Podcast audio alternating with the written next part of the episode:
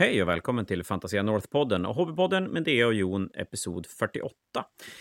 Jag heter Dea och ikväll tänkte jag att vi skulle ta ännu en sväng i Fanatic-historien.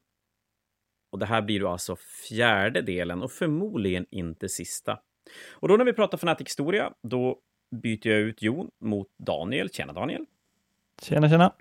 Ja, vad säger du? Det här är fjärde rundan. Vi är uppe i, vart är vi någonstans? 2000... Vad sa vi? Vi har verkat 2007 så att vi är inne på 2008. Så det blir kanske två till i alla fall. Ja, precis. Två eller tre, eller tre. beroende på hur lång tid det tar. Ja, och exakt. hur mycket Typ anekdoter vi... vi känner att vi har kvar att dra efter vi har gått igenom. Ja, det är ju dumt att ha med mig då i och för sig om man vill att det ska gå fort. Faktiskt. Ja, ja, men det blir bra. Det, det här tycker vi är jättekul och jag vet att några av er där ute tycker det är intressant. Framförallt kanske ni som spelade på den tiden och sen har som fallit bort och vissa har kommit tillbaka och vissa är fortfarande ute ur loopen. Så att eh, vi, eh, vi kör!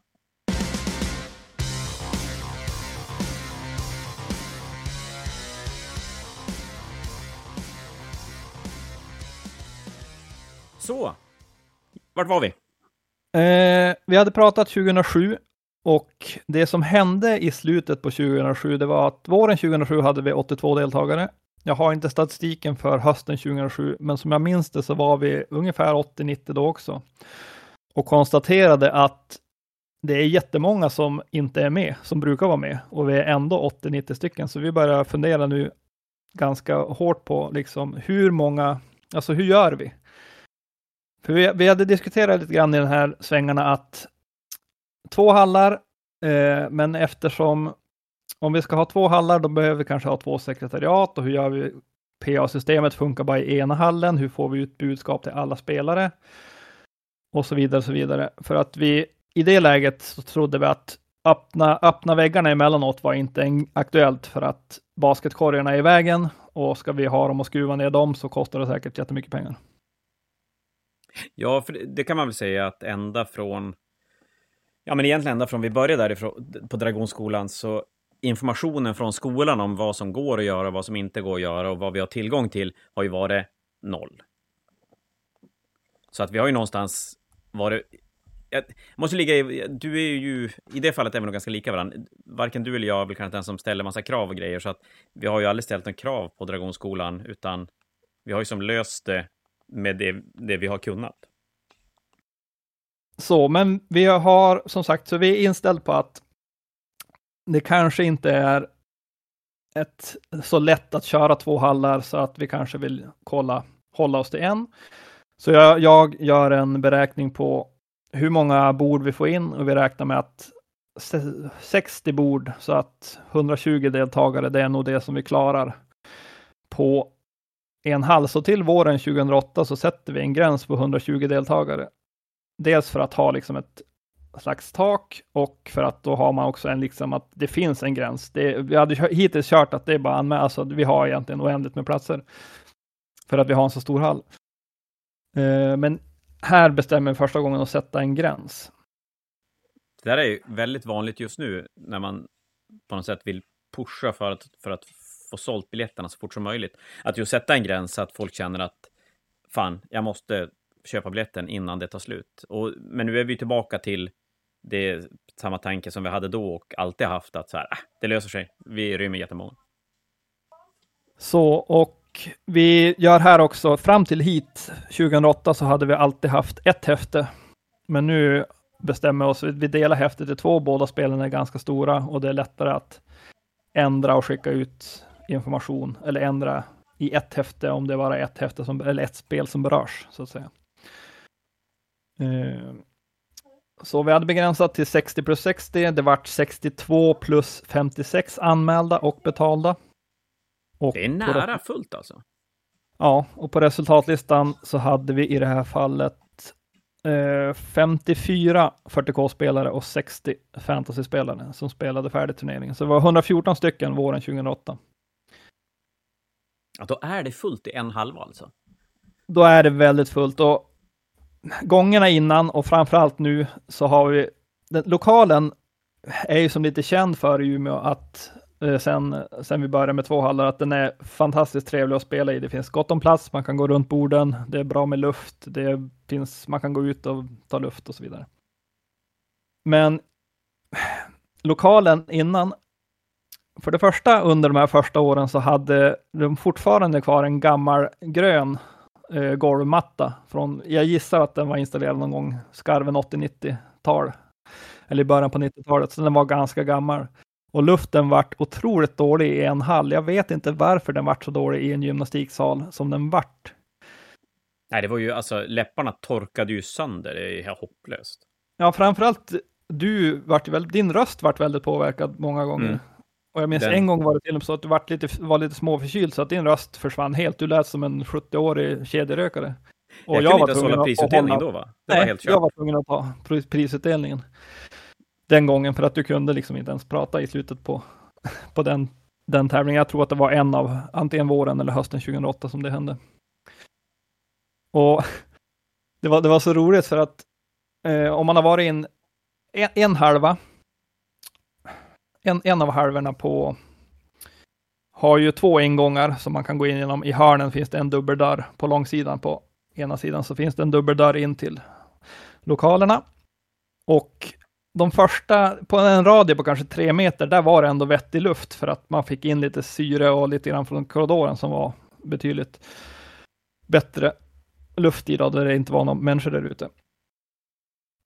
Och jag minns jag satt och tittade på folk som kom in i lokalen, för man kunde nästan se fysiskt hur de träffades av liksom aromen och det, den, den tryckta luften som var där inne. Så fort de hade kommit en bit in, som folk ryggade som till. Eh, och det var väldigt dålig luft. Så här. Eh, som sagt, jag gissar att ventilationen var nedställd ganska mycket på helgerna och att det inte fanns någon slags, man fick ingen forcering oavsett hur många man var där inne. Det fanns ett vred tror jag vi hittade, jag vet inte hur mycket det hjälpte, men det var väldigt dålig luft.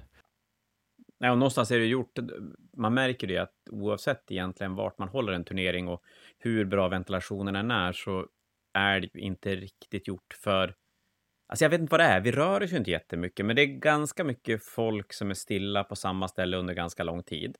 Och, och det är ju ändå någonstans där att man, folk blir ju lite sådär äh, stressade, det, det kan vara lite spännande, man börjar svettas lite grann och det blir oftast ganska dåligt, blir det.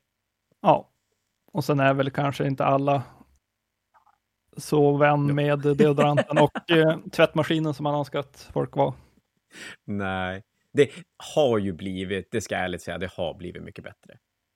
Jag, jag tycker väl att, att communityn i stort har, tar hand om sig själv på ett helt annat sätt än vad det gjordes för, ja, 15 år sedan, 20. Ja, det var så roligt. Jag minns också en gång jag satt och tittade, tittade mot folk som kom in, så var det en av spelarna som kom in tillsammans med sin flickvän och, som hade följt med av någon anledning. Det här var på eftermiddagen någon gång. Och så kommer de in och jag ser båda två liksom stannar upp och blir träffade av den här liksom väggen av människor, människors aromer. Och spelaren han tiltar tillbaka och säger åh, det luktar gemenskap här inne. Varpå flickvännen säger nej, det luktar nördar. oh, Jävla bra. Det, det, är ju inte helt fel. Det är inte helt fel. Det, det, det, det, tar mig ju även tillbaka till så gamla Fantasia när man, man fick ju aldrig gå ut. För gick man ut, då var det ju kört att komma in. Alltså, jag säga, fönstren var igenimmade och det, ja, gud. Ja, nej, men det är bättre nu och nu har vi större, som sagt, 120 pers i en halv hall där ventilationen ändå är ganska pissig. Det är mycket folk. Vi börjar också ha lite problem nu med att det är så många, pass många att vi inte har Fram till nu så minns jag inte, vi erbjöd inte så mycket i i mat och dryckväg mer än tror jag rumstempererade läsk och typ kexchoklad. Uh, och vi börjar få mer och mer frågor om att ha med sånt nu. Jag tror att 20, våren 2008 var första gången vi började med kaffe. Det måste vara ett tecken på att klientellet blev äldre och äldre. Ja, kanske det också. Så anmälningsavgiften 2008 var 175 kronor. Vet du, det kallas inflation. Mm -hmm. Jag tror att... Men lånade vi borden från Dragen då också? Nej, förlåt, från Nolia. Eller bar... Nej, nej. nej då bar vi fortfarande... Eh, vad heter det? Ja, skolbänkar. Skolbänkar från klassrummen. Ja, just det. Nej, det är klart, det blev, ganska mycket dyrare att hålla när vi började hyra bord från Norla istället. Det blev ju oändligt mycket lättare som arrangör och, och det logistiska, men eh, det blev varje bord, vi betalar nog, ja, vad 50 eller 60 kronor för varje bord, så att eh, det, det drar iväg lite extra. Jo, nej, vi var ju typ 10 pers som bar bord för att det skulle gå vettigt. Hela den historien var ju också. Eh, vi fick ju låna vagnar, men vi såg inte hur man, det var de här gamla fyrkant eller kvadratiska skolbänkarna med stålben. Och vi, det gick som inte att, att lägga på vagnarna mer än två bord för att benen var ju som i vägen. Så att vi bar ju två bord ända tills säkert, ja, sjätte eller sjunde gången då en vaktmästare var där och såg att vi bar och visade hur man skulle göra genom att det man gör är att man lägger första bordet upp och ner och så tar man nästa bord också upp och ner och vrider det typ 15 grader. Och så vrider man nästa 15 grader så det blir som en spiral av upp och nervända bänkar. Då får man en 7-8 stycken på vagnarna. Så då gick det ju klart mycket lättare Nej. att frakta dem där. Det här är ju så här typiskt, okej, nu, nu generaliserar jag något djävulskt, okej, så att alla vaktmästare som lyssnar nu, sorry guys, eh, typiskt vaktmästare, de bara omkring och ser sur. Och det är inte lätt att fråga någonting, för man får bara en massa mummel och grejer. Tills de har bestämt sig att nu, nu fan de här grabbarna, de är fan okej, nu ska jag börja hjälpa. Och helt plötsligt får man säga, ja men en vagn, här kan ni låna. Varför har ni inte använt den här? Varför har ni inte ställt dit det så här? De här bords, stolvagnen de körde upp från källaren, jag vet inte vart, vet du tidsmässigt när vi är då? Om vi ska ta det sen, eller? För det är också en sån här dum grej som... Nej, det minns jag inte. För att det, det, i det här läget då samtidigt, vi bär ju alla bord och så bär vi alla stolar, så vi bär in så här 120 stolar från klassrummen också. Och så sen någon vända, då är det någon av vaktmästarna som bara, men, men vi har ju en, en typ en rack med hopvikbara stolar i källarförrådet. Så att han tog traktorn och körde upp den.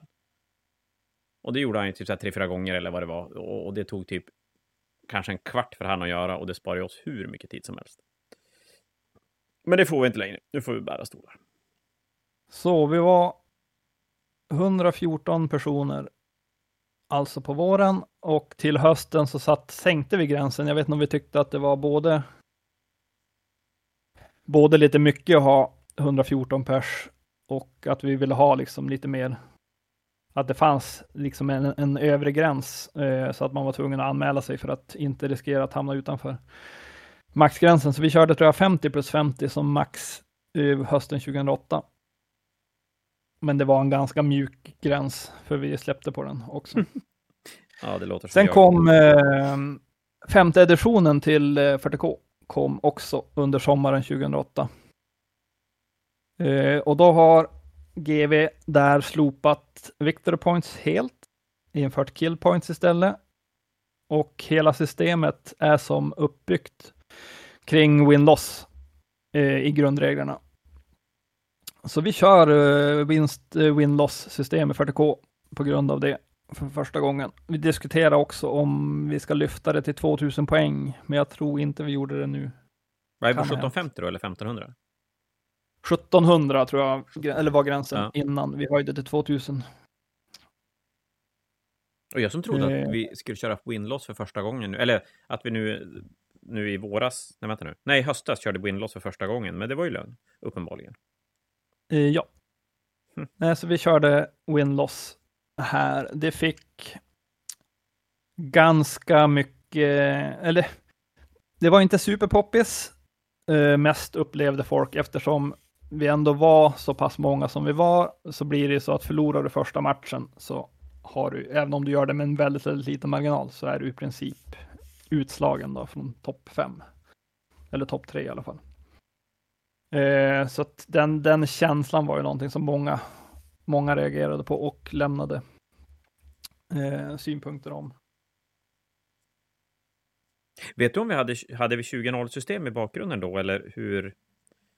Jag tänkte som Eh, tiebreaker. Nej, vi, ha, alltså, vi hade, det var uppbyggt så att man fick ju som ett visst antal poäng och den som fick mest poäng vann. Nu ska vi se, vars har vi? Jag ska ta upp. Ja, för då, vad blir det då? Vi hade 2, 4, 8, 16, 32. Ja, vi, vi kom inte fram till en ensam vinnare, utan vi måste ha haft två stycken på fem vinster. Eh, ja, och då var alltså typ battle points var tiebreakern. Det skulle vara intressant att veta. Nu har jag jättedålig koll på hur resten av turneringsvärlden såg ut då, om de alltid har spelat win-loss, men, men eh, det skulle vara jätteintressant att veta om vi den här tiden också var så att 20.0-systemet vi kör, eller ja, det system vi körde innan, det var inte 20.0 då, men, men att det var någonting väldigt annorlunda från resten av Sverige och att vi anammade hur resten av Sverige körde när vi klev in i ett win-loss-system, eller om det var någonting som, om, om det spelades på något annorlunda sätt på andra ställen. Men det lär vi aldrig få veta. Ja. Nej. Nej, jag minns inte. Vi hade alltså, jag har inte kvar tror jag. Jag minns faktiskt inte exakt hur det här. Man fick matchpoäng och så fick man scenariopoäng. Och vi hade alltså tre, topp tre hade 13 matchpoäng. Och jag undrar hur det kan ha räknats då på fem matcher. Är det tre poäng för vinst och en poäng för lika? Så att det var... Men det kan inte, kan det vara möjligt? Att vi hade tre stycken som gick... Som gick 5-0? Gick fyra, fyra vinster och en lika. Ja, det kan ju hända. Så, för det var i alla fall tre här. Det är inte så jävla troligt att, att, ja, det beror på hur stort likaspann det är, men, men ja, det är ju inte så jävla mm. troligt att det skulle vara så att man går, att tre stycken går 4-0-1, men ingen går 5-0. Nej, precis. Så, och då var det då summan av scenariopoängen som eh, som avgjorde inbördesordning mellan om man var lika i matchpoäng. Mm. Och scenariopoängen tror jag gick upp till 14 någonting. Det var ju typ killpoints var väl en form av poäng beroende på och så scenarion gav olika inte ihåg. scenariopoäng. Fan, nu är det här är länge Nej. sedan. Det här är länge sedan. Jag har säkert häftet kvar, eh, men då måste jag läsa på i sådana fall. Ja, det var inte, det var inte så jävla noga. Har det inte rakt upp och ner i huvudet. Um, så, men vi var i alla fall 50 40K-spelare och 62 fantasy. Så vi ruckade på de där 100 alltså? Vi ruckade på de 100 igen. Och nu när vi plockade ihop så var vi någonstans att det funkar inte riktigt. Det blir för, för varmt, för dålig luft, för lite plats. Vi kommer säkert att växa. Vi behöver hitta en idé. Och det var när, när vi höll på att städa och plocka undan hösten 2008 som vi bara, men hur mycket plats, hur blir det om vi bara viker upp väggarna fram till första basketkorgarna? Eh, så att vi viker bort, vad är det, två dubbelväggar man kan vika upp innan man träffar. Ja, och då, för er som inte har varit där ska det förklaras att det här är alltså en gympahall som är delad av en vikvägg.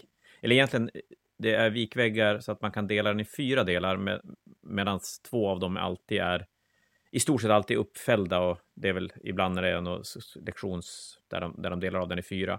Men det är som två handbolls eller innebandyplaner bredvid varandra med en vikvägg och den går då att sära på. Och sen, men då som sagt sitter det basketkorgar som gör att man egentligen skulle behöva ta bort dem för att kunna öppna upp den helt och hållet. Men det är där det vi inser att man kan, vi ska kunna öppna den ett par meter utan att behöva ta bort basketkorgarna. Ja, och det är så det ser ut nu fortfarande för er som har varit här nyligt. Så har vi alltid haft lokalen sedan 2009, att vi viker upp väggarna i mitten. Och så blir den som den är för alla som har varit där och sett. Ja, och då är det som sagt två stycken gympa, alltså innebandyplaner och en öppning däremellan på, ja vad kan det vara, det varierar lite grann på hur jävla lätt det är den där dörren, men säg att det är åtta meter kanske?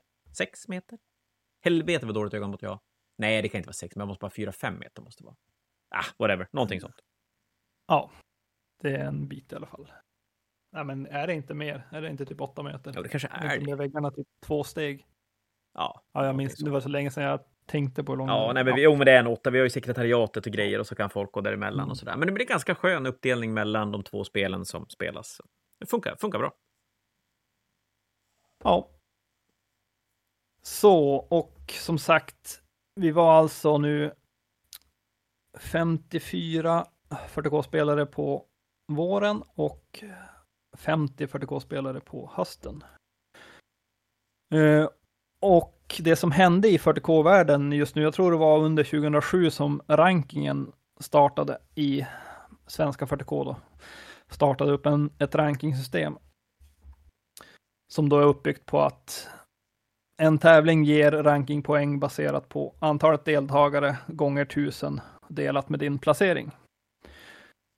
Det var, tror jag, den ursprungliga rankingen som gick upp. Så att om du vann en tävling som hade 30 deltagare så fick du 30 000 rankingpoäng. Vann du en som hade 50 deltagare så fick du 50 000 rankingpoäng. Och tvåan fick då hälften av det, så tvåan fick 25 000 och så vidare. Och så vidare. Eh, så det var alltså så rankingsystemet lades upp. Och sen kom det en Gotcon med typ 120-140 deltagare. Den, Gotcon var väldigt stor på den tiden. Så insåg de att det här var ganska överdrivet. Eh, hur stor utslag en sån stor tävling kunde ge då. Så att ganska snabbt så omformades det här programmet till att man, eh, den som kommer etta delar ändå sitt, sin rankingpoäng med två. Och eh, alla deltagare över 50 räknas bara som en, en kvarts deltagare. Ja, just det. Det där hoppades lite grann fram och tillbaka under årens gång som svenska 40K-rankingen var, var sådär. Nu är det ju lite ute upp i luften och får se vart den landar någonstans. Ja, jag såg den var ganska reducerad nu. Senast jag tittade så var det så delade man med tre första och varje deltagare över 40, antingen över 40 eller över 50 räknas bara som en 0,1 deltagare. Så att de här stora tävlingarna får inte lika stort rankinginslag som de fick förut. Nej, och det är väl det vi ska försöka, försöka ändra, för det, på den tiden blev det ju lite konstigt och, och, det kommer vi väl till alldeles snart då, men det var ganska få stora turneringar i Sverige och de blev ju så otroligt avgörande att placera sig bra på dem. Nu är det ju ganska många 60 plus turneringar runt om i Sverige. För det, det som hände då var att de här, våra tävlingar gav väldigt stort utslag på rankingen. Eh, och rankingen skulle som bygga att de som är bäst i Sverige, de hamnar högst på rankingen och det är de som liksom får spela ETC och de här stora tävlingarna. Och lite sånt. Så att rankingen vart ju ganska intressant för, intressant för den kompetitiva delen, scenen i 40K. Som, vi, som exempel då, en, en 50 person, eller 90 persons turnering gav då 30 000 poäng till vinnaren och 20 000, nej, 20 000 poäng till tvåan, 15 000 till trean och så vidare. Ända ner till 6 000 poäng för att komma nia. Och jämför man det då med en typ en 30 personers tävling så gav den 15 000, hälften så mycket till ettan. Och 6 000 poäng får man på som en fjärde plats i en 30 spelares turnering, medan en nionde plats ger samma sak i en 90 personers turnering. Så vi behöver inte rabbla så mycket mer siffror, men... Ja, du har tappat bort mig sedan länge sedan, men det blir jävligt ja. bra att placera högt på de stora turneringarna. Precis, och rankingen var uppbyggd så att dina sex bästa turneringar de senaste 18 månaderna tror jag det var, det är de som är rankinggivande. Så kommer du topp 10 på en turnering som är upp mot 90 pers eller mer, så är det mest troligt en av dina sex bästa turneringar 18 månader framöver. Det kan man nästan räkna med, va? Ja, det tycker jag. Ja, det var så mycket. Så att eh, hösten, nej, våren 2009, då kommer det tre stycken från Göteborg. Jag tror att det var Johan Asplund, Per Nordlund och Joakim Engström heter han va? Mm, ja, exakt. Jo, men det, det, ska vara de tre som kom, ja. Ja, precis. Jag hoppas att de inte har något emot att vara namngädda. Nej då, gud nej. Okej, det kanske de har, men de har ingenting att säga till om, så det är lugnt. De är ju inte här. Så, och till våren då 2009 så har vi öppnat upp dubbla lokaler. Vi har ändrat nu målningspoängen, krympt den så att nu är det 30 målningspoäng, varav det är 10 rörliga. Så vi har egentligen satt åtta stycken nivåer som vi ska döma efter. Och här någonstans är ju påverkan, målarpoängens påverkan på turneringen blir ju väldigt, väldigt liten. Ja, precis. Det, det är som sagt 20 poäng, då har man målat färdigt den armé och basat den. Och det, det, det räknar man ju med att alla ska ha. Ja, och sen är det upp till ja, mellan 20 och 30 poäng som är det, det vi bedömer då. Och vi bedömer det i, i två poängs, eller eh, kanske att det var 10 rörliga poäng från början. Sen eh, hösten 2009 så sätter vi, delar vi upp det i kategorier så att man får antingen 20, 22, 24, 26, 28 eller 30 poäng för att göra det lite, lite mer lättare att ja, vi bedömer egentligen sex nivåer på det som är färdigmålat och så får de poäng efter det istället för att man ska hålla på och sätta individuella poäng så är det lättare att få en översikt som när, man, när vi bedömde på det sättet.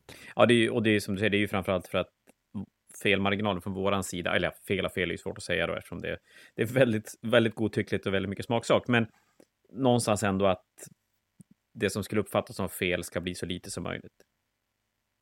Precis. Och sen för att prata lite fantasy nu också, så det som hände i fantasy var att sommaren 2008 så hålls det vad som kallades för ett SM i Uppsala. Det var som ett inofficiellt SM. Eh, det var bara att vi, vi, vi de, ja, fantasykommunen tyckte väl att det ska vara ett SM så att det, det startades. Det, det vart som ett inofficiellt SM den sommaren som jag var, jag och Daniel Bergström heter han nu. Då hette han Espling eller Henriksson. Uh, ja, vi var nere och spelade den tävlingen i alla fall. Uh, och sen pratas det då på forumet, det svenska fantasyforumet som fanns då, att försöka sätta upp en, en struktur för att ha ett officiellt SM i fantasy som rullar årligen då.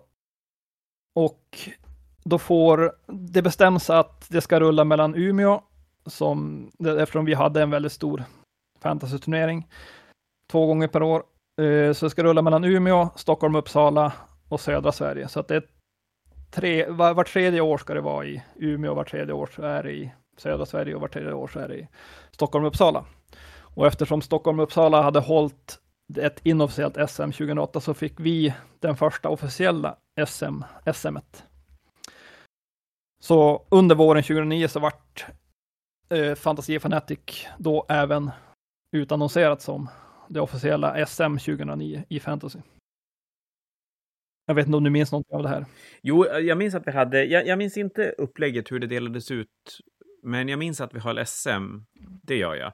Och visst var det bara så att det hann inte gå runt så att vi höll det två gånger? Eller? Jo, det hann det. Okej då. Jävla koll jag känner jag. Men ja, jag minns SM i alla fall.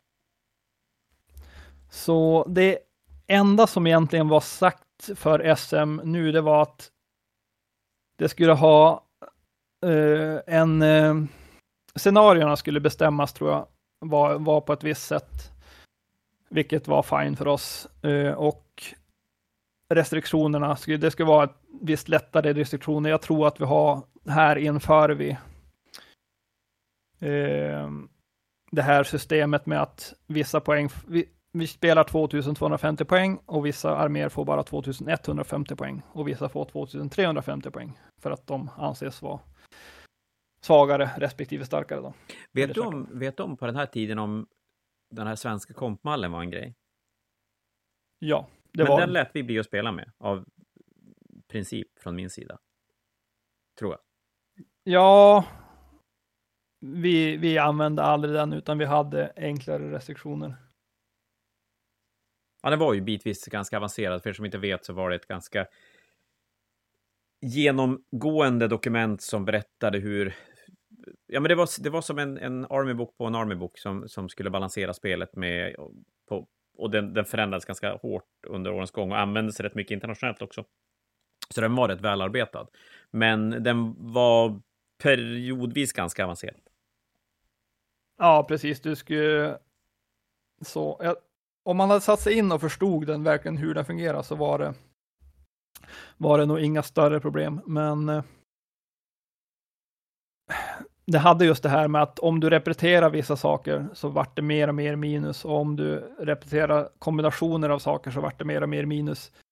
Och det var inte alltid jättelätt tyckte jag när jag försökte göra arméer för att spela, lära och förstå exakt hur den hur allting interagerade med varandra. Nej, men det blev ju ett lager till av armébygget. Du hade ändå, precis som nu, att, att det finns någon typ av synergi mellan enheter. Att jag vill ha den där tillsammans med den där, för då blir det extra bra.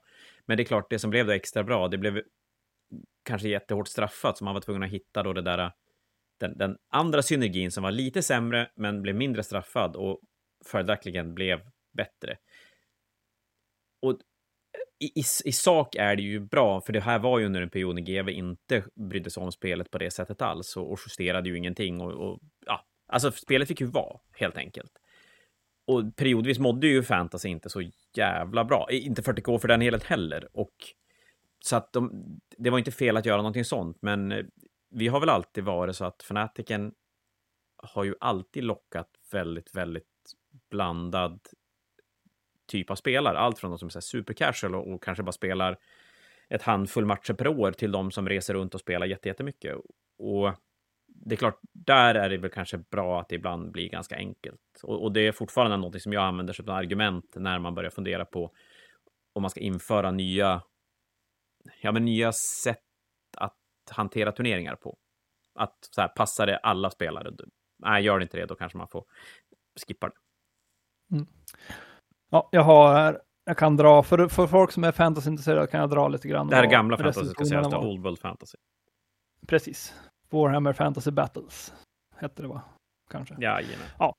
Som sagt, det var tre olika poängnivåer. Eh, inga special named eller Albion characters. Inga Dogs of War eller Regiments of Renowns i Dogs of War-arméer. Man fick inte repetera rare choices, förutom High Elves då, som deras specialregel var väl att de hade, fick ha mer special och rare choices. Oj. Det kanske det var. Mm. Usch, det här jag har ingen aning. Det var så jävla ja, länge sedan. Max, max två likadana special choices, max tre likadana core choices, förutom viss typ av ranked infantry. Max 10 power dice eller dispel dices. Eh, max 3 unit of flyers. Eh, max 45 modeller med missile weapons som når 20 tum eller mer. Och max 5 war machines. Så att det begränsade just ja, det här just att bygga en armé som bara gör en sak. Ja, ja men det var ganska tydligt där vad den ville komma åt för någonting. Och det, det är väl lite grann så det alltid har varit, även i GV sätt att begränsa hur man får bygga arméer, att det är ju att ta bort möjligheten att spamma en och samma sak alldeles för mycket. Ja, och målet med kompmallen som jag förstod det, det var egentligen att göra alla, mest att göra alla enheter användbara. Det var ju mm. det man var ute efter så att det inte fanns, så man fick spela med det man ville spela utan att bli straffad för det så att säga. Ja, ambition, alltså säga vad man vill, ambitionen och alltså är ju bra. Jag, jag kan inte säga någonting ja. om det. Sen, det blir ju alltid så att direkt du börjar röra någonstans så öppnar du upp någon annanstans och jag, jag vet inte om det alltid är bra att lämna sånt här till communityn. Eller Jo, det är det ju, men det, det är ju bra när GV går ut och säger att det här är det som gäller, för att då kan man som inte börja... Då kan man alltid skylla på dem. Kanske det det handlar om egentligen. Mm. Ja, så vi håller alltså första. Sen i övrigt, vi hade, fick ha, vi hade våra egna, eller samma målningsbedömning som, som vi hade tänkt hålla då, så vi hade de här 20, 20 poäng för målat och 10 stycken rörliga poäng då upp till 30, även på SM-sidan. Så målningen fick spela roll här. Eh, jag tror inte att den räknades med 2012 när vi höll SM nästa gång. Om jag minns rätt. Nej, men jag vet att det har varit snack om att vi, vi plockade bort den just för att SM skulle bara vara själva spelet. Ja, det ska bara, bara handla om din, din matchpoäng. Så, och sen minns du vem som kom sist i första SM i Warhammer Fantasy? 2009. Och, 2009, och inte bara lite sist. 14 poäng efter. Jonborg. Det är helt korrekt. Det var Jonborg. Egentligen mest bara för att vi pratade om... Ja, vi pratade om det. Om, inte just om SM, men jag vet att vi pratade om det. Vi spelade 40K i måndags den här veckan. Och då kom vi in på, av någon anledning, att, han kommer, eller att hans första Fnatic var där någonstans. Så att, ja, nej, det var schysst. Det var, vad kan han ha varit då? Vad sa vi? 2009? Han är 30... Han var 17 eller 18 år. Han var så pass gammal ändå. Mm. Ja, de måste komma sist. Han är född 91.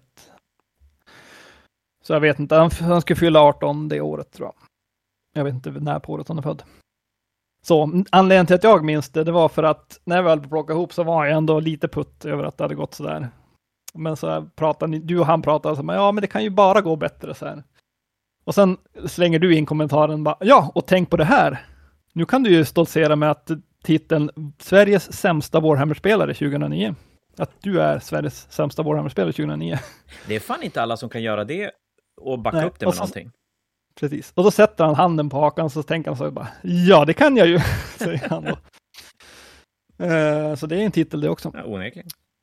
Sen konceptet att man ska vara sämst i Sverige på någonting för att man kom sist i SM är också ganska roligt. Ja, det är ju inte helt korrekt. kanske. Nej. Det, det, det kanske inte är så man ser sig när man, när man kommer sist på, I don't know, SM i vilken sport det nu än var, så kanske man inte ser som Mm. sämst i Sverige. Men Eh, nej. vi är lite blygsammare, vi figurspelare. Men eh, som sagt, vi har då för första gången besök från Göteborgstrakten, vad jag vet, om det inte var någon, någon straggler. Men nu kommer folk upp lite grann för att spela en stor turnering som är värd mycket rankingpoäng. Ja, man kan säga, vi kan väl säga då att...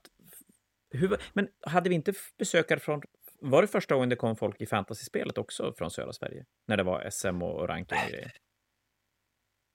Eller hade vi Jaha. fantasy-folk tidigare? Jag är ganska säker på att Stockholm-Uppsala kom upp sen tidigare. Jag vet inte alls eh, hur mycket av fantasy-communityn som var från Ja, vi har ju aldrig haft... Göteborg, Nej, men vi har, vi har aldrig haft en, en...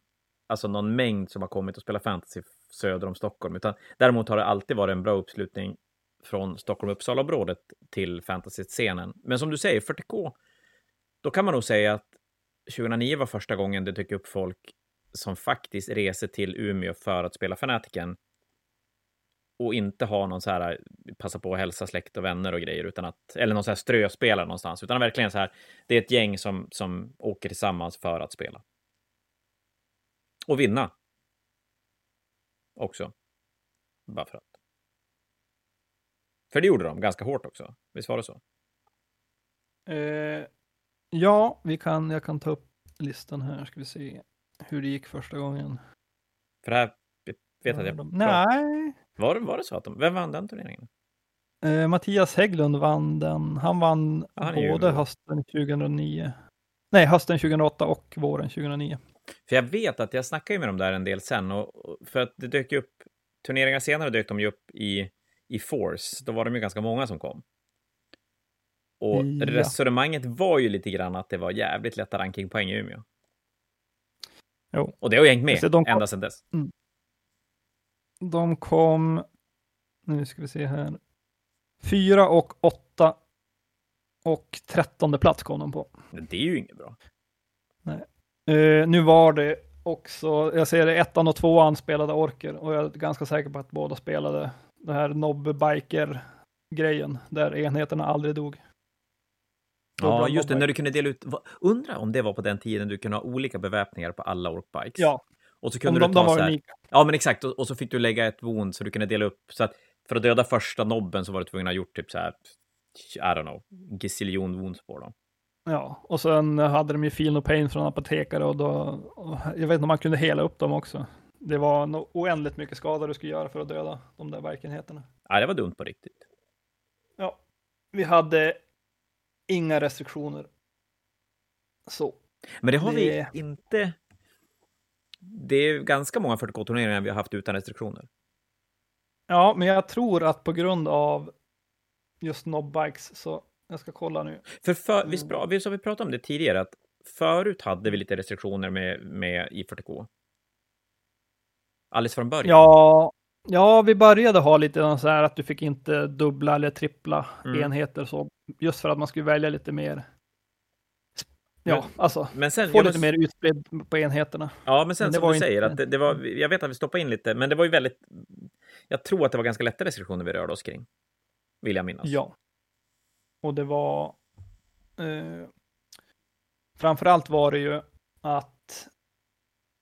Eller varför vi slutade med restriktioner var ju mest för att folk som typ ville bygga fluffiga listor. Det var mest de som klagade för att varför får inte jag bygga mina, mina listor som har bara massa scouter?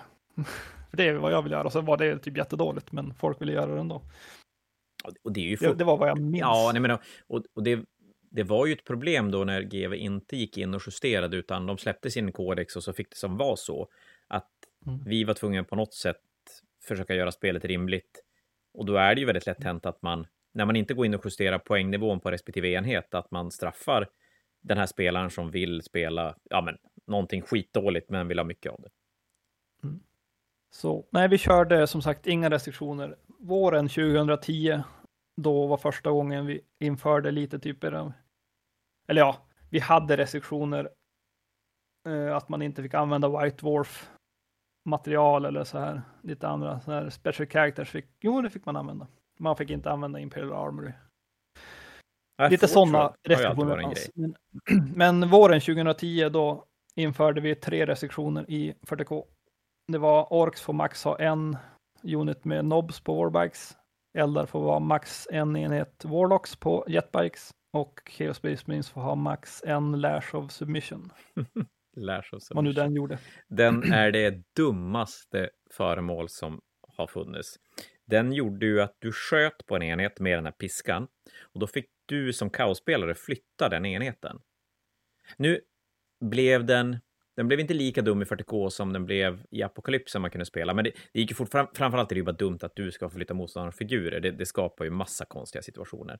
Men en, en jättehärlig grej, det är just i Apokalypsen när vortexgranaten kom första gången och den funkade ju så att rörde du dig i vortexgranaten, då dog du, punkt. Och då var det en sån grej att du slängde ut Vortex-granaten och sen tog du piskan och så piskade du in enheter i Vortex-granaten så de bara dog. Fantastiskt dumt. Så vi hade då tillbaks till våren 2009 så hade vi 60 40K-deltagare och 70 fantasy-deltagare. Oj, det var mycket. Det var mycket, men det var SM tror jag som drog, Mm. eh, drog iväg lite grann där. Så att vi pikade.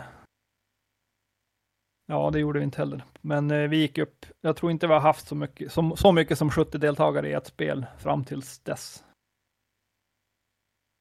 Eh, så det var 130 totalt. Eh, på grund av SM också så var det ingen lagtävling den här gången. Och vi fick ganska mycket, börja få mer och mer klagomål på att vi har för lite terräng i 40K. Och vi hade väldigt lite terräng i 40K. Vill du veta en sak? Det är så jävla roligt för att jag tycker alltid att vi har byggt mer terräng och fyllt på med terräng och alltid samma. Vi har för lite terräng. Vi har för lite terräng. Tills förra fanatiken, alltså nummer 43. Då, då, Ja. då blev det så här. Alltså, det är nästan lite mycket terräng. Och det är så sjukt. För det är första gången någonsin jag har fått en, ja, jag vet inte om det är en kritik. Det är inte alls på samma sätt som lite terräng, för att mycket terräng förstör inte spelet på samma sätt som lite terräng gör. Men det var ändå ganska kul att bara så här, va? Jaha, oj. Eh, men, men lite mer med glimten i ögat sagt än att det faktiskt är så här på riktigt, det här är dåligt. Men ja, terrängen i 40 har inte lyckats. Egentligen har den alltid legat vi, skulle, ha- vi har alltid varit tio bord, eller ja, fem bord för många, skulle jag säga. Eh, vi är som sagt, vi är uppe på eh, 2000 poäng nu i 40K.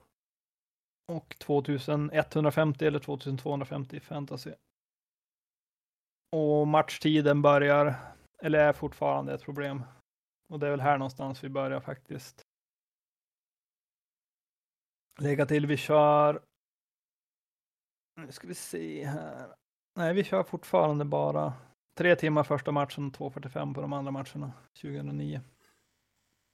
2.45. Ja, det, nu är vi uppe i tre timmar. Nu, nu klarar väl spelet sig på tre timmar, men det är klart, på den tiden var det väl ändå så att det var ganska... Majoriteten av matcherna hann typ inte färdigt på två timmar och 45 minuter. Ja, Visst var det ganska många man fick jaga på och så... Ja. Sen, ja alltså jag, jag vet inte, det var väl, säga majoriteten av matcherna var vi tvungna att jaga på. Jag tror att många, eller kanske hälften av dem hann färdigt, hälften av dem fick avsluta i förtid. mm. Men det var ändå väldigt mycket jagande av Ja, men visst var det det. Det för, för det är någonting, nu har, nu, ja, du har ju spelat Grand Fanatics och du har ju själv testat på 40K just nu och det känslan ändå att fler matcher tar slut fortare nu. Alltså att rent, det är så här runda tre, då var jag har inga gubbar kvar, nu är det färdigt. Ja. Jag tror inte riktigt det var på samma sätt i, i femte, där någonstans, femte, sjätte. Och så sen här också kan jag känna ibland när vi, när, när vi nu tittar tillbaka till mycket av det vi, valen vi gjorde och jag tror att jag tar på mig det mesta av det här. Men att lite av så här principgrej att nej, det är klart som fan man ska hinna färdigt på två timmar och 45 minuter. Och sen även om ingen gjorde det så var det så här, nej, det, det ska de fan lösa. Istället bara för att förlänga tiden lite grann. Ja. Men vi hade vi några luncherbjudanden på plats här? Eller var, var det så att alla var tvungna att ge sig iväg för att hitta lunch den här tiden? Alla var tvungna att ge sig iväg för att hitta lunch. Och det är Vi ju ett gjorde- problem. Ja, alltså vi, vi, vi diskuterade det här också. Vi, vi pratade om att försöka, alltså typ kolla med någon pizzeria och sen typ beställa utkörning av 200 pizzerier. Eller 200 pizzerier, 200 pizzor. ja, ja, till alla som är med. Eh, men då var det så här, vad fan, då måste vi ha, vi, hade ju, vi var ju tvungna att ta med oss alla sopor som vi genererade bort därifrån vid det här Mm. laget, eller vid det här tillfället. Och vi bara, alltså det blir så mycket pizzakalonger och skräp och allt möjligt. Och så ska man försöka hitta något bestick eller någonting, eller ja, och muggar och det är allt möjligt.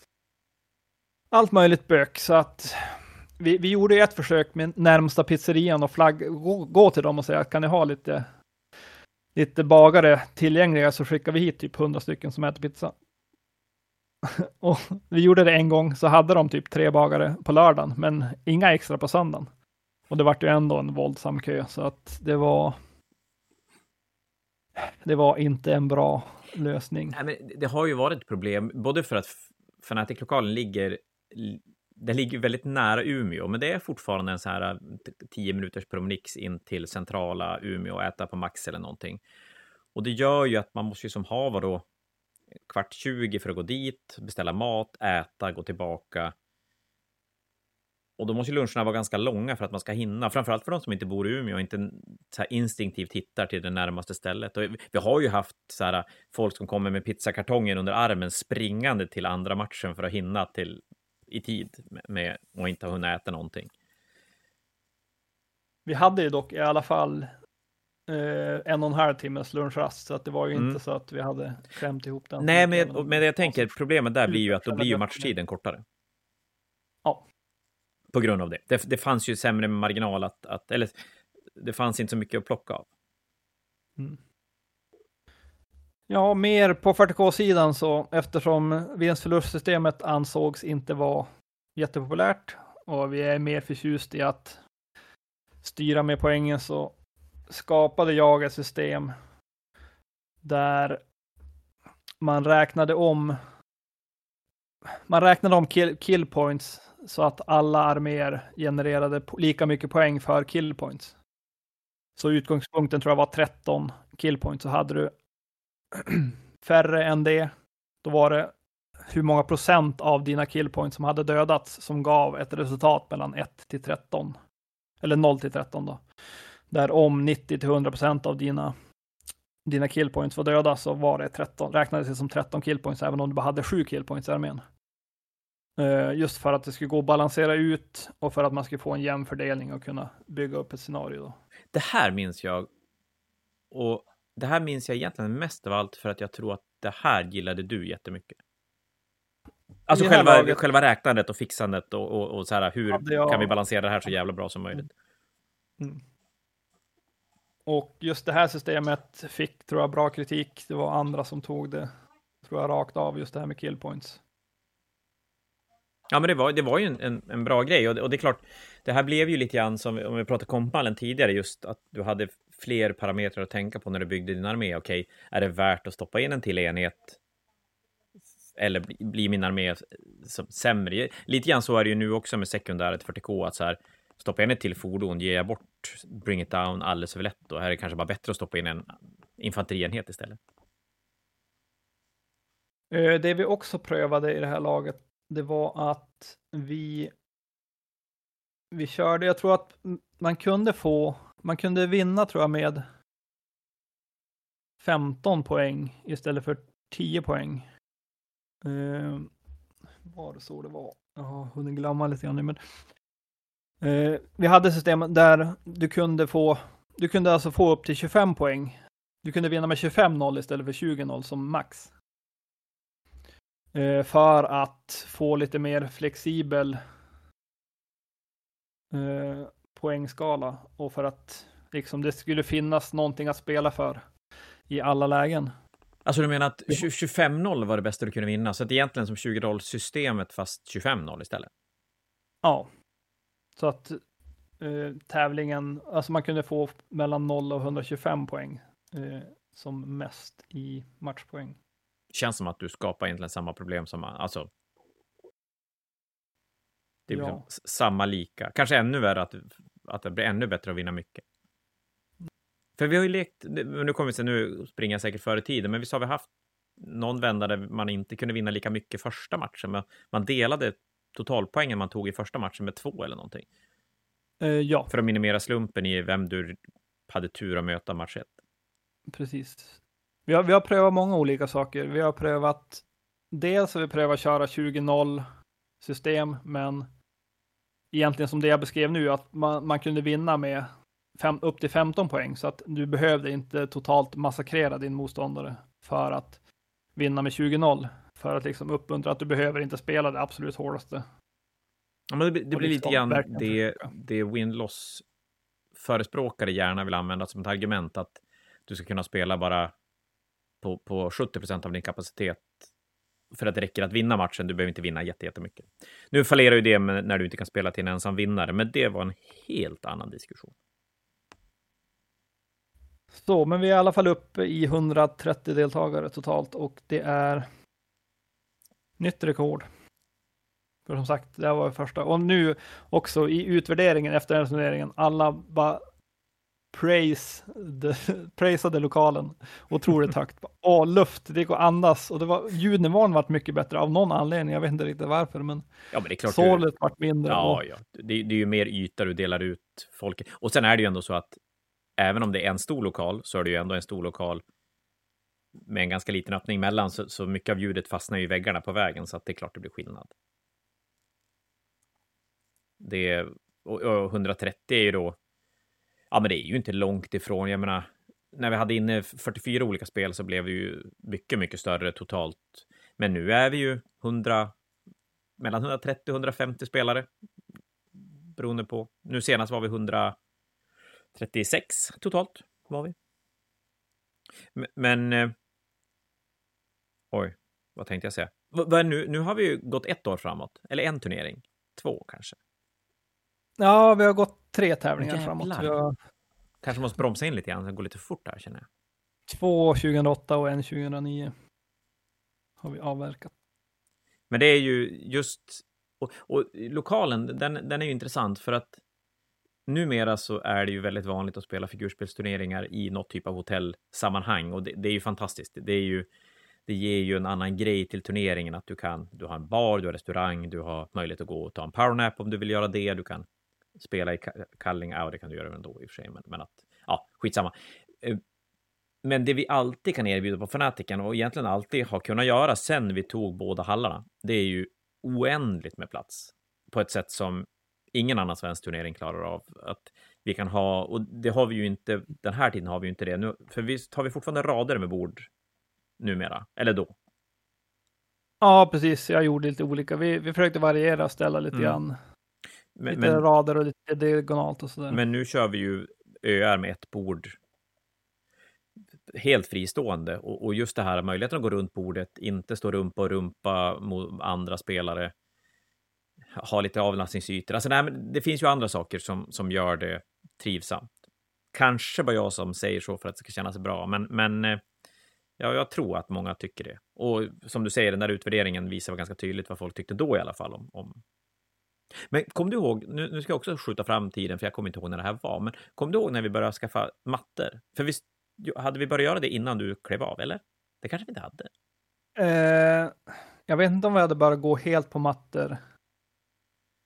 Eh, men jag tror inte det. Jag tror vi kanske hade Nej. börjat med lite med mattor, men inte så att det var för att vi körde fortfarande med spånskivorna. Ja, för jag kom på, jag, eller jag, jag kommer ihåg när du pratade om ljudvolym och grejer också, och då är det ju en sak som du inte riktigt fick uppleva, men när vi började ha mattor och faktiskt inte hade mattor på alla bord, men att vi hade i alla fall kanske så här 10-15 bord som hade mattor och så samlar man dem som en lite kluster där alla mattor fanns. Och då var det så fascinerande, för då satt man i sekretariatet och så tittade man på borden och, och så hör man det här tärningsrullandet som blir när man slår tärningar på spånskivor.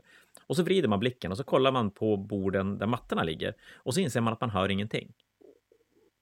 Det, det blir helt tyst och, och det var ju en jättegrej också att, att mattorna sänkte ju ljudvolymen på turneringen enormt mycket. Precis som du säger att, att spela dubbla lokaler blev ju en, en, ett lyft, ett ordentligt lyft. Ja, men som sagt, eh, vi körde alltså då. Vi körde ju alltid på den tiden minst borden två och två på grund av att det behövdes tre skivor för två bord. Tre Ja. spånskivor. Och, och det var ju, jag menar, vi har ju varit runt och spelat en del och även då så hade vi ju, som sagt, direkt vi klev över till två hallar så hade vi ju jättemycket mer plats än de flesta. Jag kommer inte ihåg turneringen i, i Oslo vi var och spelade i den här tennishallen. Hur mycket plats var det? Det var ganska trångt där också, va? För visst var du med? Det var, ja, det var ganska trångt. Det var långa rader med bord, tror jag. Jag har bilder på det där. Ja, när man säger zigzacka mellan raderna, det är ju alltid lite rörigt. Och eh, jag kommer aldrig glömma när vi var i Uppsala och spela och så var det så här långa rader med bord och så var det någon som hade ställt sin figurväska öppen på en stol och någon skulle gå förbi med sin figurväska och råka stöta till den där så den brakade i golvet. Och så blir det så här sjukt pinsamt när det blir helt tyst. Plus att han blir jättearg också, det var ju superdumt. Men, ja, det var ja, jag vet. Jag önskar att jag hade mer, mer självförtroende på den tiden och bara säga att, ja, men vad fan.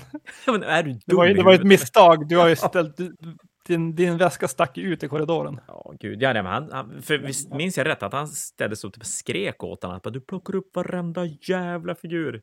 Man bara... Ja, jag vet inte. Så. Det var ju... Men ja, han skulle, han skulle hjälpa till att plocka ihop alla. Ja, det var... Ja, hopplöst. Ja, vilket han nog hade gjort ändå i och för sig. Kan man ju tänka sig. Ja. Mm. ja, ska vi ta hösten 2009 eller? Ja, för fan, vi kör. Jag har inte koll på våran tid. Vi kör en liten stund till. Då måste jag bara börja med att fråga dig. Vi tog bort någonting hösten 2009. Vet du vad det var? Ja, men sluta vad det var? Här. Fan, jag verkar ju så dålig. Oj, vad sa du? Ta bort någonting hösten 2009. Vi tänkte vi prövar spela en tävling utan det här momentet. Okej, okay, jag säger... Okej, okay, jag säger måla poängen. Nej. Fuck. Målningspoängen låg kvar. Våra 30, 20 plus 10 poäng. Vi tog bort fair play priset. Vi tänkte vi, har, vi kör inget flare den här gången. Se hur det går. Men varför gjorde, varför gjorde vi det? Eh, ja, jag vet inte. Jag minns faktiskt inte. Det känns som ett ganska dåligt beslut. Alltså, för det är ju ett ja. pris som...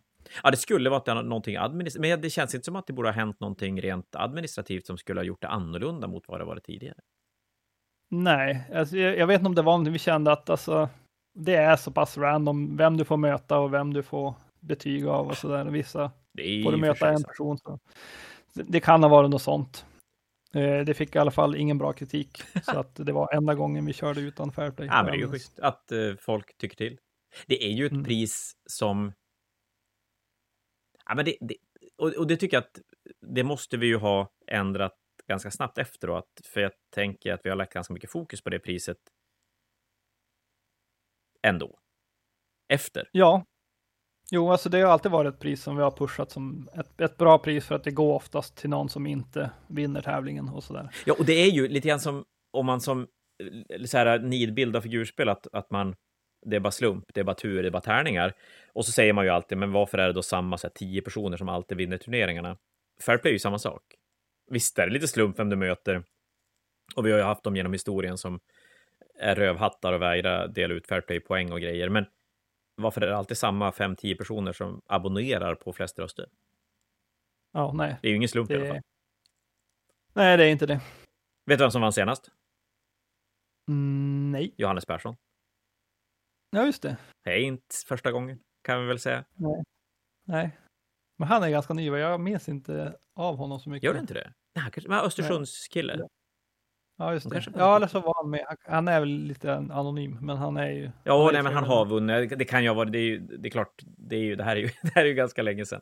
Eh, men, men det är ju så, det är ju vissa personer som, som alltid har plockat poäng. Det man, det man kan se nu som är lite intressant, tycker jag, från hur det var då, för på den tiden var det väl aldrig så att någon som placerades högt upp fick mycket fair play, eller? Det kanske var så. Jo, alltså. Ja, det kanske var så det, det gav ganska bra resultat för dem också. Eh, jag kan eh, hur, förmodligen... Hur hade, vi, hur hade vi det då? För hade vi fortfarande då så att det var den som placerade sig sämst på turneringen som fick priset? Eller var det så att vi tog den som var högst upp i listan? Om, om man hade lika mycket som någon annan?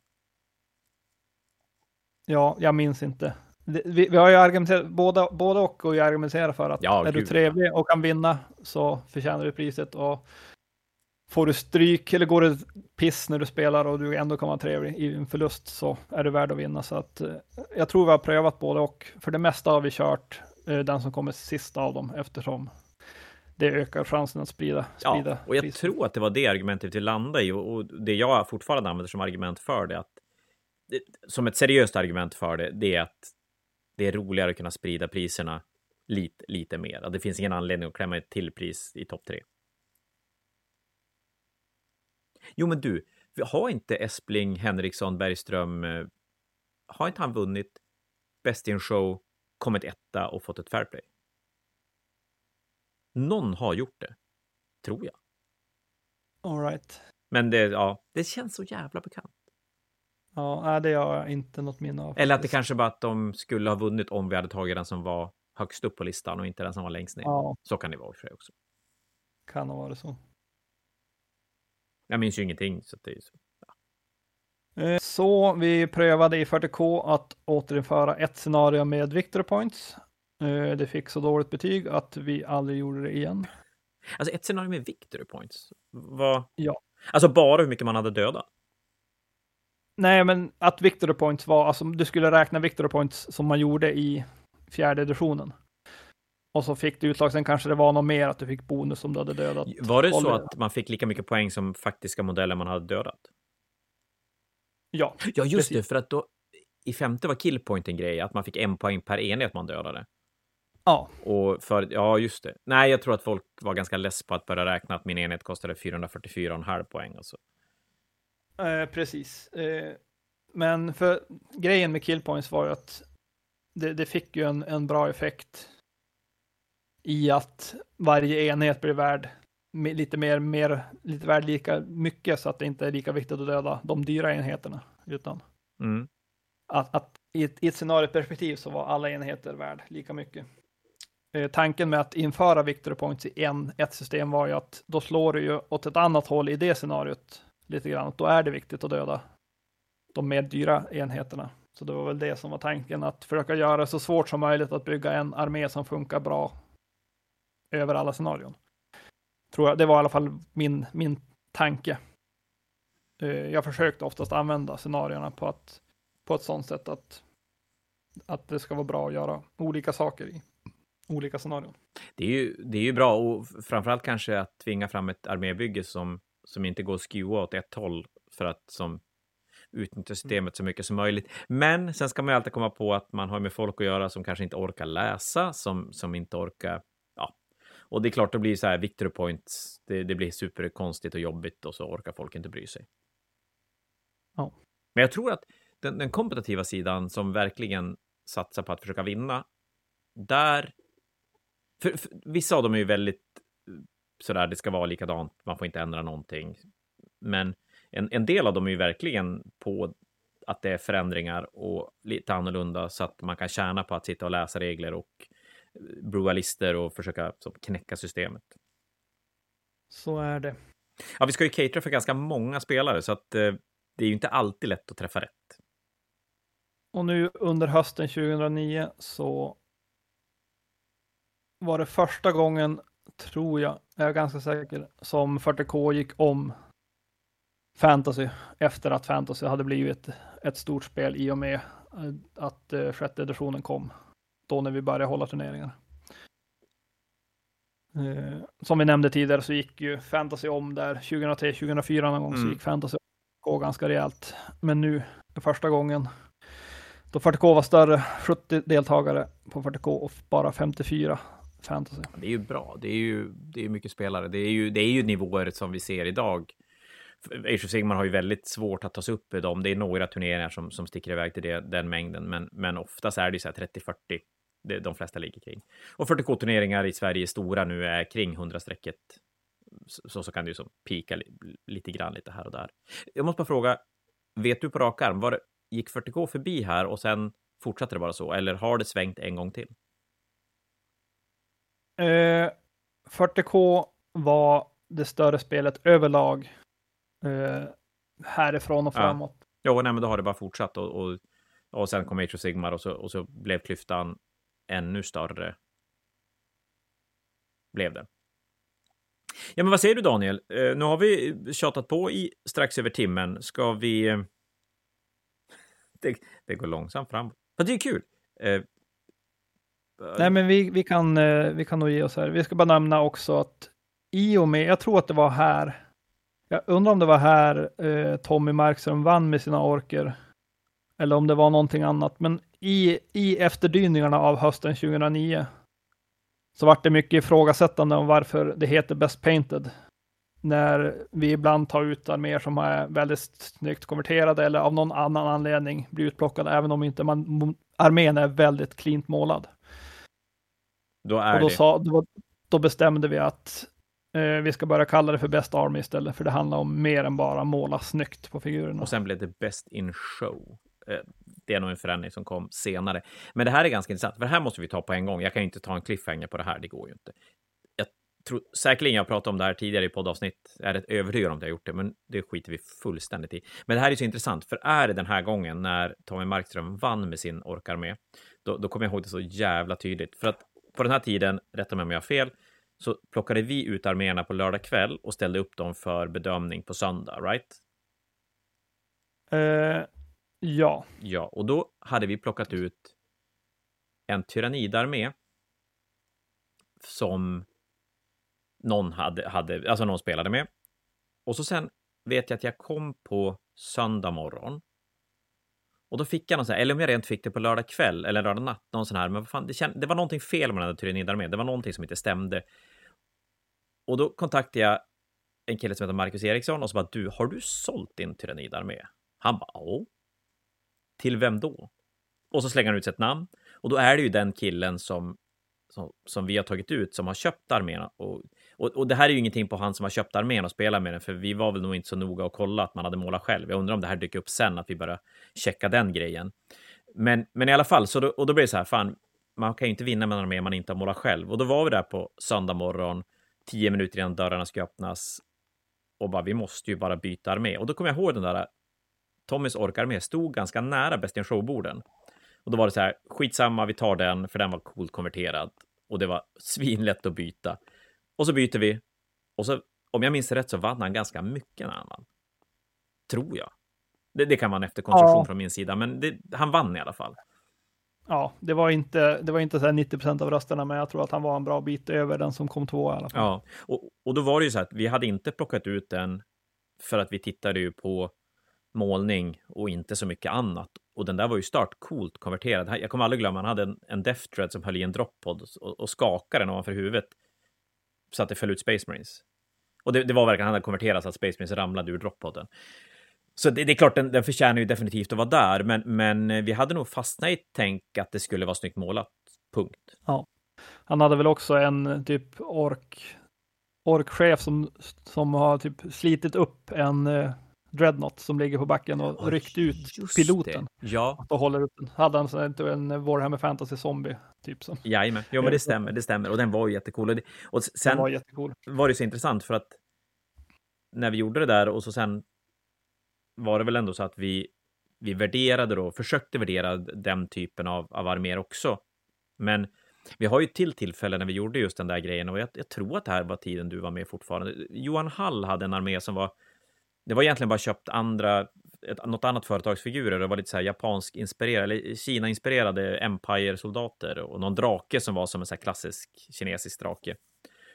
Och jag vet att vi stod och valde mellan den och en armé som var bara gamla metall Warhammer-gubbar, alltså svingamla gubbar, så här Reichsguard till fots och skit. Och då valde vi, och det var så här, ja men det här är åttonde picket vi ska ta, det spelar ju fan ingen roll. Eh, och jag tror att om det var Johans armé som hade en display tray och vi bara, fan vad skönt att flytta det här och slippa flytta styckegubbar. Och så vinner han. Och, och där någonstans undrar jag, men vi bara så här, men vi kanske inte vet. Vi kanske bara ska ja, alltså vi valde ju ändå, men, men det, det blev ju helt plötsligt ganska mycket svårare att välja. Jag, egentligen var det samma sak nu, den senaste fanatiken också. För då, nu har vi ju, precis som du och jag gjorde mot slutet, att vi gör ett mer aktivt val att försöka hitta arméer som, som inte liknar varandra och som så här, kanske tar in olika factions så att det ska finnas någonting för alla. Så hade vi plockat ut en Admec-armé som var rätt hårt konverterad, som fick ju långt ifrån mest målarpoäng och, och ganska många som hade mer än det var, det var fler än sju andra arméer som hade mer målarpoäng än vad han hade. Och han vann ju också. Så Ja. det, det, det är ju kul, för det, det gör ju att har du en bra idé, du kan komma sjukt långt med en bra idé. Mm. Men framförallt är att om armén ser unik ut på något sätt och den inte har jag, jag skulle vilja säga att för att de där ska vinna så får de inte ha konkurrens av någonting som är Snyggt både coolt, coolt och snyggt målat. Nej, så är det ju. Det, det, det får Det inte vara liksom- det. Eller, eller en armé som... Det påverkar också om det är en armé som har stått ganska många gånger tidigare. Då- För då kan ju folk vara så här lite less på, på den. Det, jag kom, kommer du ihåg? Vi hade... Nu, jag kommer inte ihåg vad den killen... Det var en Grey Knight-armé, en vit Grey Knight-armé. Som var så, så, så jävligt... Eller i alla fall, vi, vi tog ju två stycken vita Space Marine-arméer och så hamnade de lite olyckligt bredvid varandra på måla på Best in Show. Och då blev det så här att den ena som var, den var snyggare, men den fick ju alla röster och den andra fick ingen. Och det är också en sån här grej att det kanske inte är värt att ta ut två nästan identiska arméer konceptmässigt, för att den ena kommer ju, antingen kommer de ta röster av varandra, eller så kommer den ena få alla röster. Ja, precis. Nu hann vi avverka ganska mycket av Best Painted, men vi får nog ta lite mer nästa gång. Eh, Kanske. ja, eller bara nu. Ska vi fortsätta? Ja, gud, folk kan ju ta en paus, gå och kissa och göra en kaffe och komma tillbaka. Fast man kanske lyssnar i såna här, såna här airpods, då kan man gå och kissa och göra kaffe samtidigt som man lyssnar. Svinbra. Nej, men Best in Show, för det är ju faktiskt någonting jag vurvar rätt hårt för. Målarpoäng och allt, absolut, men, men Best in Show är ju någonstans... Det har ju som varit... Det och målarpoängen har ju varit som Fanaticens verkliga... Eh, ja, vad ska vi säga? Eh, grej. Det, det var Ja. inte ordet jag letar efter, men det funkar. Nej, nej, men vi har, vi har ju som pushat för, för att få fram mer målning och mer coola arméer. Eh, Nej, vet du Daniel, jag ångrar mig. Det här, främja. jag tror att vi tar det här nästa gång. Jag tror det också. Ja, för det här är alldeles för kul att prata om. Så att, eh, för, för Ja. här har vi ju supermycket arméer vi måste, måste nämna och, och, och sådär. Så att nej, Ja. skit i det. Ni får eh, lyssna på en annan podd och dricka kaffet. Du, det här blir ju jättebra. Vi hann ju fyra... Men vi hann ganska mycket skit runt omkring också, gjorde vi. ja, vi hann två år framåt. Så att, eh, Eh, Men det blir, det blir bäst in show nästa gång. Det, så så Ja, blir det ju. mycket mer Best in Show och så får vi se om vi hinner wrappa upp ganska mycket av det som är kvar. Efter det. Ja, för nu börjar det strömlinjeforma sig ganska mycket. Ja, vi har och inte så framåt. mycket, mycket mer stora områden att prata om efter vi har pratat om Best in Show. Nej. Ja, Och-. Sen, sen får vi göra en liten uppsamling, uppsamlingshit. Så det blir en gång till och sen blir det en uppsamling hit med anekdoter Ja, och precis. Bra och dåliga minnen. och lite grann att vi ska Och- väl försöka få in lite andra folks tankar, åsikter, anekdoter också, var väl en tanke. Men vi får se vart, vart vi landar Ja. i det. Men, men någonting spännande kommer i alla fall. Ja, men du, då säger vi bara eh, tack för ikväll, Daniel, och tack till alla er som har lyssnat. Vi hörs igen om en vecka. Hej då på er! Ha det gott!